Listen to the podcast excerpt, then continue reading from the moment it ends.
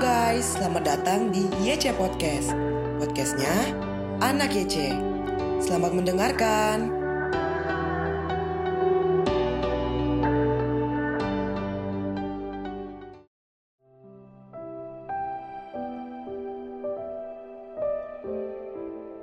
Shalom Sobat Muda, hari ini Selasa 19 Oktober 2021 kita akan merenungkan firman Tuhan dengan judul Allah menuntut umatnya.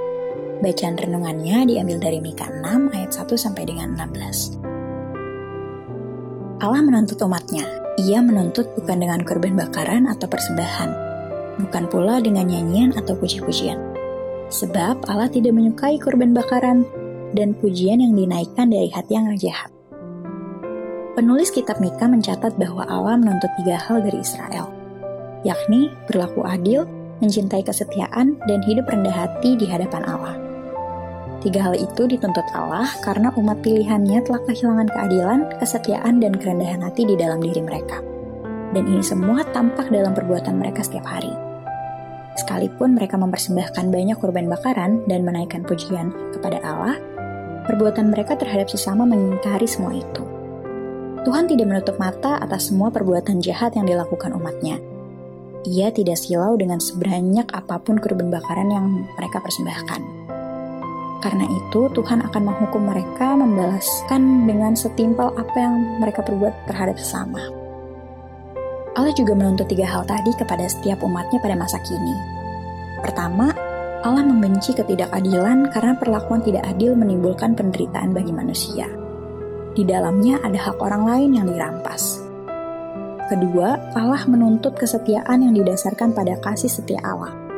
Karena Allah senantiasa berbelas kasihan kepada manusia. Ketiga, kita juga dituntut untuk hidup rendah hati di hadapan Allah. Orang yang tinggi hati sulit bersikap taat kepada Allah, sebab ia hanya bersandar pada pengertiannya sendiri. Sebaliknya, orang yang rendah hati hidup dalam ketaatan dan kesetiaan kepada Allah. Jika kita berpikir dengan memberikan persembahan besar dan menyanyikan pujian indah, kita dapat lepas dari tuntutan Allah itu. Itu sama dengan keliru. Allah sudah memberitahukan apa yang baik dan yang dituntutnya dari kita. Maka itulah yang harus kita kerjakan dan persembahkan kepadanya. Mari kita lakukan apa yang dituntutnya sebagai kehendaknya atas kita. Selamat merenungkan sobat, Tuhan Yesus memberkati.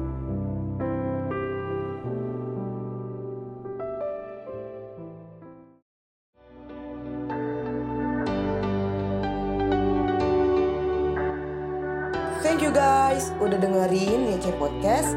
Jangan lupa share ke teman-teman yang lain supaya semakin banyak yang diberkati. God bless you.